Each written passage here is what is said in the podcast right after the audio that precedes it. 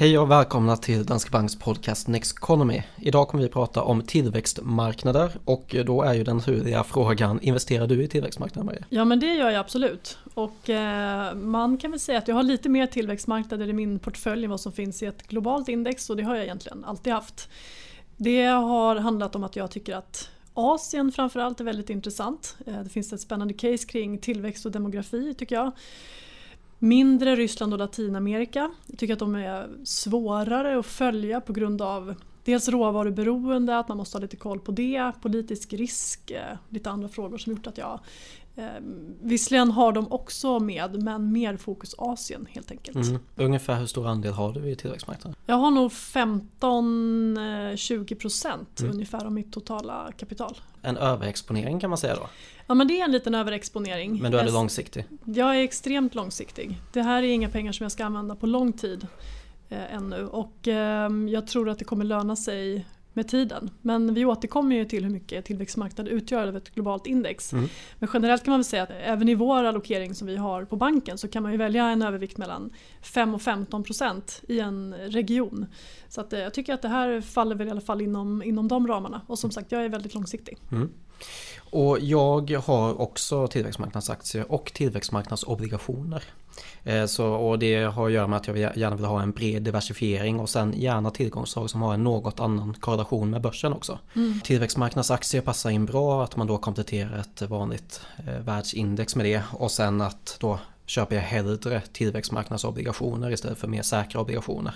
För jag har ju också en väldigt lång tidshorisont i princip mer eller mindre evig beroende på hur man ser på det. Då tar jag hellre lite större risk och tar högriskobligationer och får en något annan korrelation med börsen. Så jag har ungefär 10% EMD då, emerging market debt, eller tillväxtmarknadsobligationer och 10% tillväxtmarknadsaktier. Mm, men då är du också överexponerad mot tillväxtmarknader ja, får man säga. Precis. Mm.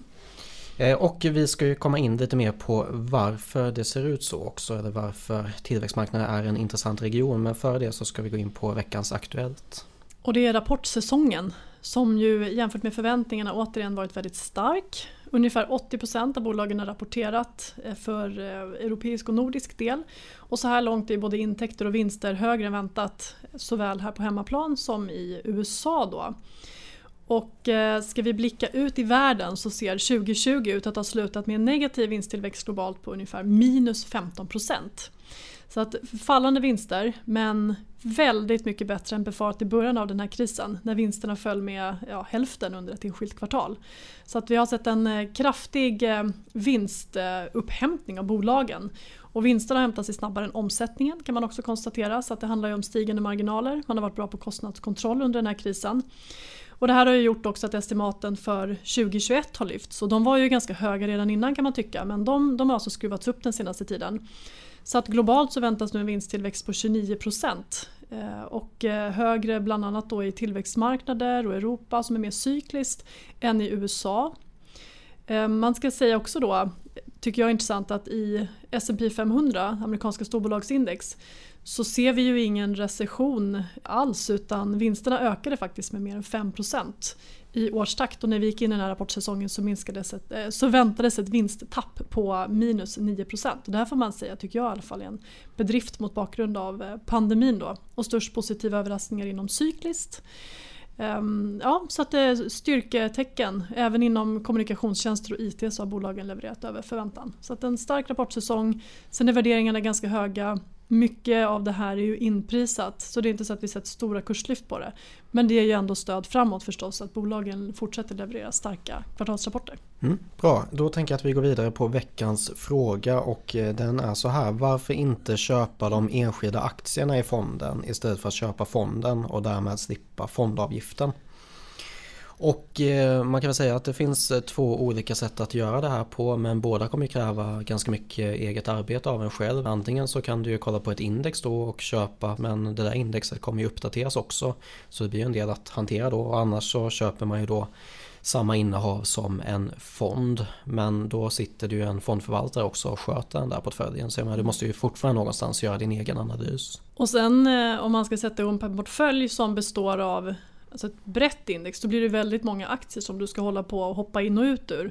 Så att det, förutsatt att du inte har väldigt mycket kapital att placera så kan det vara ganska svårt att få till en bra eh, riskspridning där. Men även om du ska replikera en förvaltare som har förhållandevis få bolag, säg att det är en koncentrerad portfölj på en 30-40 bolag så är det rätt mycket jobb. Och det här kräver också att du kontinuerligt tittar på hur förvaltaren placerar om. Sen så kommuniceras ju inte det i förväg så du kommer alltid ligga steget efter.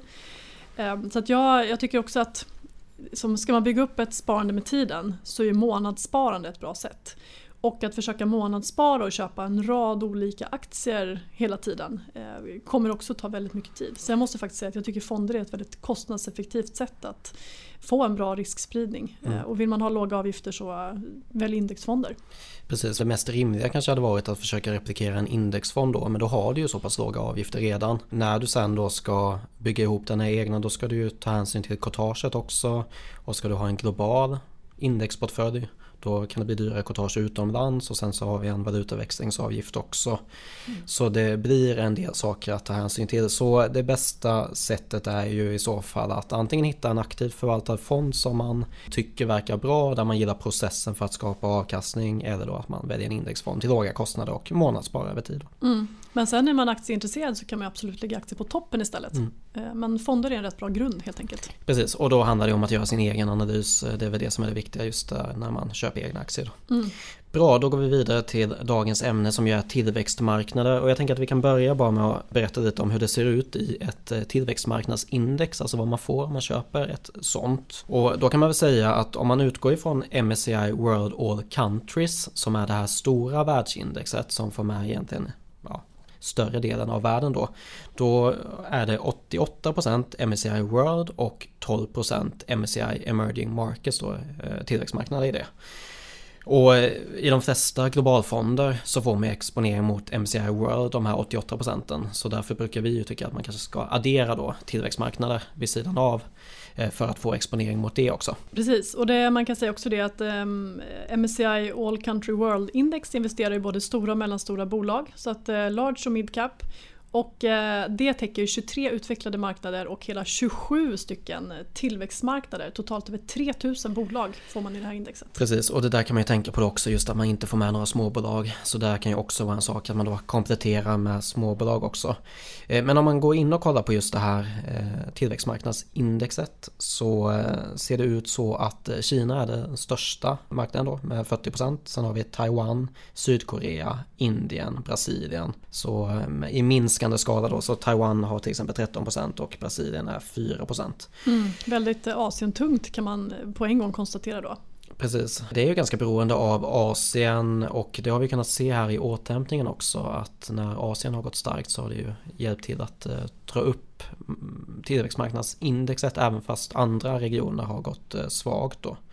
Jag tänkte bara kolla lite på några enskilda marknader som man får exponering mot. Så till exempel i Sydamerika så har man ju bland annat då Brasilien, Chile, Colombia. Kollar man på det som kallas Europa, Mellanöstern och Afrika så har vi till exempel Tjeckien, vi har Ungern, vi har Kuwait, Qatar, Saudiarabien. Och sen så har vi då i Asien, förutom de här stora, så har vi även till exempel Thailand och Filippinerna och sen finns det ju vissa andra länder då som man inte får exponering mot som då hamnar i frontier markets. Eh, så bara en liten genomgång av hur ett index eh, ser ut och eh, det man försöker köpa genom att köpa ett tillväxtmarknadsindex det är ju en annan typ av, framförallt kanske en annan tillväxt än vad man får i utvecklade länder. Ja, och tittar man på hur det sett ut historiskt så har man ju genom att investera i tillväxtmarknadsindex fått en investering i länder med väldigt hög tillväxt jämfört med utvecklade marknader.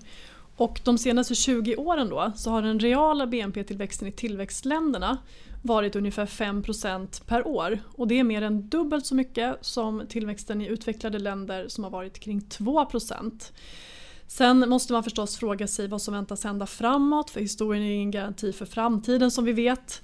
Men det som ändå talar för tillväxtländerna det är ju till exempel den demografiska biten. Att den arbetsföra befolkningen i många av de här länderna är ju betydligt yngre än på utvecklade marknader. Den växer. Man har inte samma problem som Japan och västvärlden där fler och fler tillhör den här gruppen av pensionärer som ska försörjas av en krypa, krympande arbetsför eh, befolkning då, det är ju positivt. Dels för den ekonomiska tillväxten och värdet man skapar i ekonomin men förstås också då värdet som skapas i bolagen och som man får del av genom en investering på den här börsen då. Mm. Jag, jag såg det att i Indien så är det 50% av befolkningen är under 30.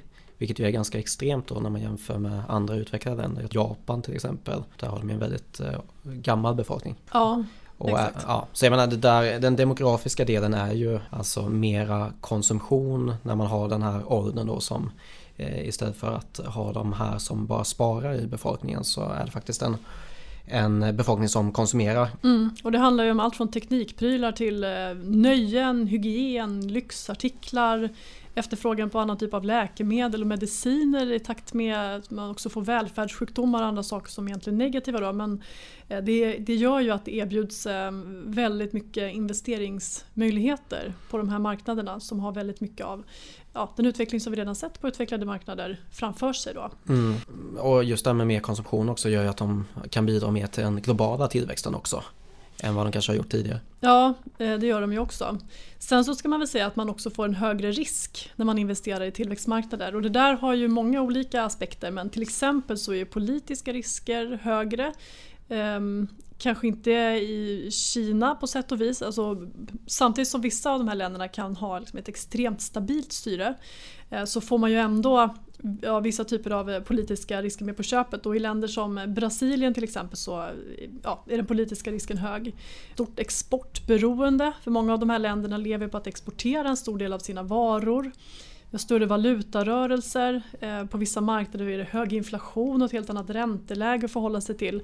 Så det finns ganska mycket eh, aspekter som man måste ta hänsyn till och som kan skapa en helt annan volatilitet i perioder. Man, man behöver ha lite mer is i magen som investerare i tillväxtmarknader. Ja det är så. Man, man kan se det också historiskt att eh, kriserna på tillväxtmarknader har varit, de har kommit mer ofta och har varit djupare. Så ehm, det är någonting man får ha med sig men det fina då med att ha tillväxtmarknaden i portföljen är ju att när de går ner kraftigt så kan man ju rebalansera portföljen helt enkelt. För ser man då att tillväxtmarknaden får en för liten del så kan man köpa mer av den och på så sätt få en bättre avkastning från den regionen också.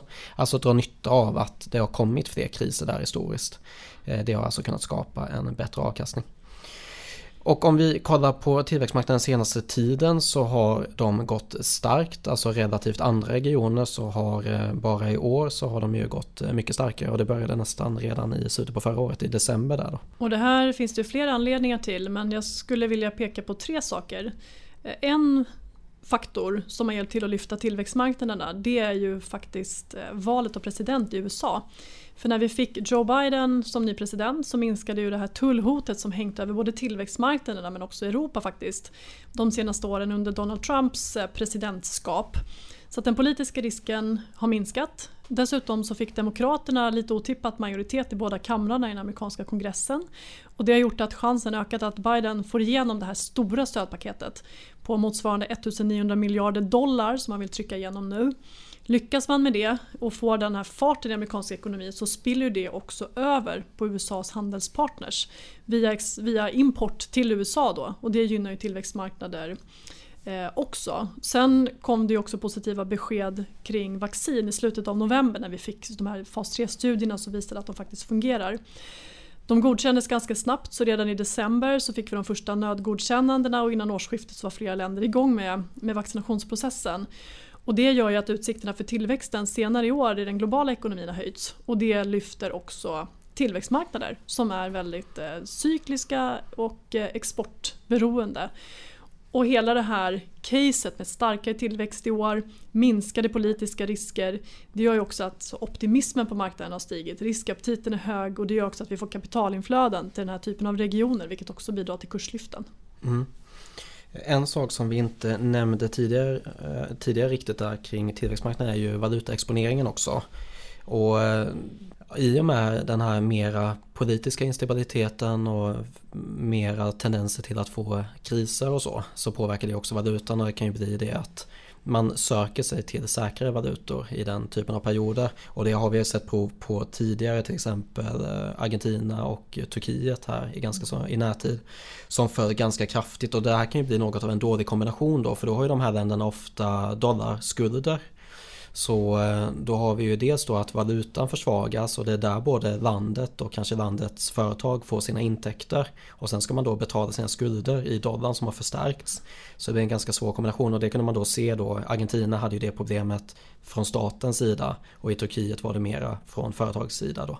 Eh, så det där är något man ska ta hänsyn till. Men bara för att nämna lite kort om man investerar i en sån här MSCI World All Countries eh, fond då där man får med emerging markets också. Då har vi ungefär 58% i USD, vi har 8% i euro, 6% i yen och 3% i pund och sen så vidare då med Hongkong-dollar. Det blir ju en, en ganska så bred valutaexponering men du får ju väldigt mycket dollar om du investerar i ett sånt världsindex. Ännu mer om du investerar i MSCI World då. Ja exakt och det är ju eh, positivt för det adderar ju ändå eh, en viss stabilitet förstås. Precis. Bra, och jag, vi måste bara säga någonting om vår övervikt för den har vi ju i tillväxtmarknader fortfarande på aktiesidan då. Mm, och det är egentligen då emerging markets är den enda region som vi överviktar för tillfället. Vi har ju nyligen tagit ner USA från övervikt till neutral och Europa då eh, från en undervikt till neutral.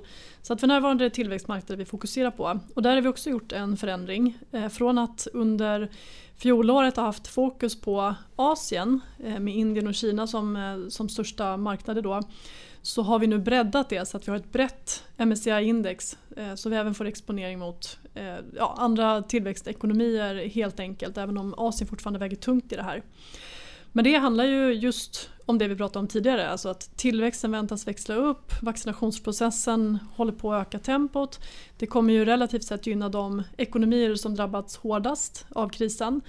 Ökad aktivitet i världsekonomin kommer lyfta råvarupriserna vilket är positivt för länder som Ryssland, eh, Brasilien, Latinamerika där vi har väldigt mycket oljeberoende stora oljebolag på börsen. Så um, ökad ekonomisk tillväxt eh, positivt för tillväxtmarknader överlag kan man mm. säga. Så vi ser just på dem inför 2021. Precis och det där är väl något som man har sett eh, mer historiskt också när man fick mera råvaror och industri när man investerade i tillväxtmarknader. Så är det ju fortfarande också men jag tänker att det där skiftet kommer ju mer och mer att det kanske blir en mer stabil marknad över tid just när man får mera den här typen av IT och och eh, sällanköpsvaror som stora sektorer och mera konsumtion och sådär. Mm, och det är det man pratar om mycket i Kina. För där har vi gått från att historiskt haft en tillväxt som har legat på så tvåsiffriga procenttal per år. Så har den sakta taktat neråt. Men det handlar också om att Kina går från att vara en eh, industriell ekonomi med extremt stort konjunkturberoende och väldigt, väldigt stora svängningar i tillväxten till att man mer och mer blir eh, alltså en tjänsteekonomi och man har en helt annan vikt i IT-sektorn och så vidare. Och det gör att tillväxten blir lägre men den blir också stabilare så att man kommer lite grann ifrån de här jättesvängningarna som vi kunde ha historiskt. Så att man får ändå säga att även, samtidigt som Kinas tillväxt taktar ner så finns det positiva eh, aspekter av det. Mm. Och innan vi går vidare till veckans studie så ska vi prata, vi pratade om eh, tillväxtmarknadsobligationer en del i förra avsnittet men vi ska bara berätta lite, beskriva lite hur det fungerar med För antingen kan man köpa tillväxtmarknadsobligationer i hard currency kallas mm. det Eller då i local currency Precis, och tar man en fond som då eh, heter hard currency då får man ju huvudsakligen de här stora valutorna. Framförallt investera en sån fond i dollarnoterade lån men också i andra stora stabila valutor. Och det positiva med det då det är ju att om man har köpt en räntebärande fond eh, och idag så ger ett globalt tillväxtmarknadsobligationsindex, världens längsta ord. Det ger i genomsnitt en ränta på 4,5% ungefär. Så att om man bara håller den där så är den, den löpande avkastningen 4,5% i dagsläget.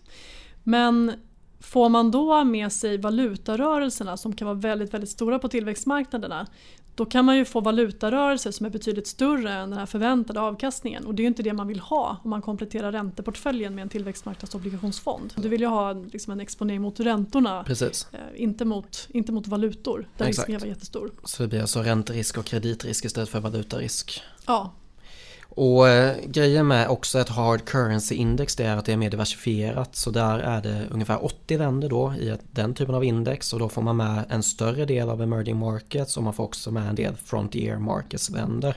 Medan ett i local currency då är det ungefär 20 eh, marknader som inkluderas i det.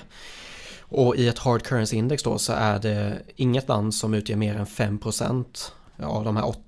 Men i lokal valuta så är det åtta länder som står för över 50% av indexet. Och där har vi några av de här stora länderna, till exempel Turkiet, Ryssland, Brasilien, Mexiko. Den här landsspecifika risken är större och som sagt Turkiet var ju ett exempel på ett land där det har varit ett problem då med just valutarörelser. Mm. Eh, så som sagt, bättre då att ta det i hard currency för att få en bredare diversifiering och få mera ränte och kreditrisk istället för att få den här valutarisken. Då. Och det är också det som vi har en övervikt i på eh, obligationssidan av våra strategier då. Mm. Och hard currency gynnas ju både av svag dollar, det gynnas av hög riskaptit, eh, jakten på avkastning när räntan på utvecklade marknader är extremt låg då. Så att en övervikt i EMD, alltså tillväxtmarknadsobligationer i hårdvaluta. Mm. Bra, då kommer vi gå vidare och prata om veckans studie som heter The Volatility of Stock Investor Returns. Och den är från januari 2021 här nu. Och då har man kollat på data från eh, flera amerikanska börser och det är från 1925 till 2018 och då visar det sig att investerare försöker undvika volatilitet. Eh, så man säljer när det är volatilt och köper när det har lugnat ner sig igen. Och problemet är ju då bara att resultatet blir tvärtom. För man säljer precis innan mindre volatila perioder och köper när volatiliteten är på väg tillbaka igen. Och det gör alltså att investerares portföljer är mer volatila än marknaden beroende på att man framförallt är investerad när det är mer volatilt på börsen. Och eh, det är över en 20-årsperiod då så har de kunnat visa att genomsnittsinvesteraren har haft en standardavvikelse på 13,9% istället för 9,4% för index då och det är nästan 50% mera. Och eh, då hade man ju alltså haft en lägre volatilitet om man bara hade köpt och behållit istället för att då försöka tajma när volatiliteten är lägre och högre. Och det här är ju då ännu en orsak till varför man köper och säljer vid fel tillfällen. Man försöker alltså inte bara jaga avkastning genom att köpa när det ser bra ut och sälja när det ser sämre ut. Man försöker också minska volatiliteten på samma sätt. Och båda de här sakerna gör att investerare får en sämre avkastning än det man investerar i. Och den här studien beskriver ungefär samma sak som vi har varit inne på tidigare, just fenomenet att investeringars avkastning och investerares avkastning behöver inte vara samma sak. Och marknadstiming är svårt, det spelar ingen roll om det handlar om att jaga avkastning eller om att minska volatiliteten då. Ofta så tjänar man på att vara mindre aktiv. Att eh, köpa, behålla och månadsspara över tid, det ger ofta de bättre resultaten. Mm. Så det här är ännu en av de studier som bekräftar att om vi följer våra instinkter på börsen så kommer vi gå bort oss och göra mer skada än nytta. Ja, precis. Bra, med det så ska vi avrunda för idag. Ni får jättegärna ställa frågor i vårt frågeformulär i avsnittsbeskrivningen eller följa och eh, kommentera på Twitter såklart. Och så får ni gärna gå in på nexteconomy.se också där vi snart kommer få en ny Houseview som vi kommer lägga ut där. Ja, Houseview, det vill säga vår marknadssyn inför det andra kvartalet i år eh, publiceras eh, om ungefär tio dagar på Nexteconomy och vi kommer också spela in en podd om det och då pratar vi bland annat om utsikterna för resten av 2021, förväntad avkastning på aktier och obligationer obligationer och vad man ska investera i mot bakgrund av vår konjunktursyn. Mm. Och den podden kommer om två veckor så vi hörs igen då. Tack för att ni har lyssnat. Och ha en fin vecka.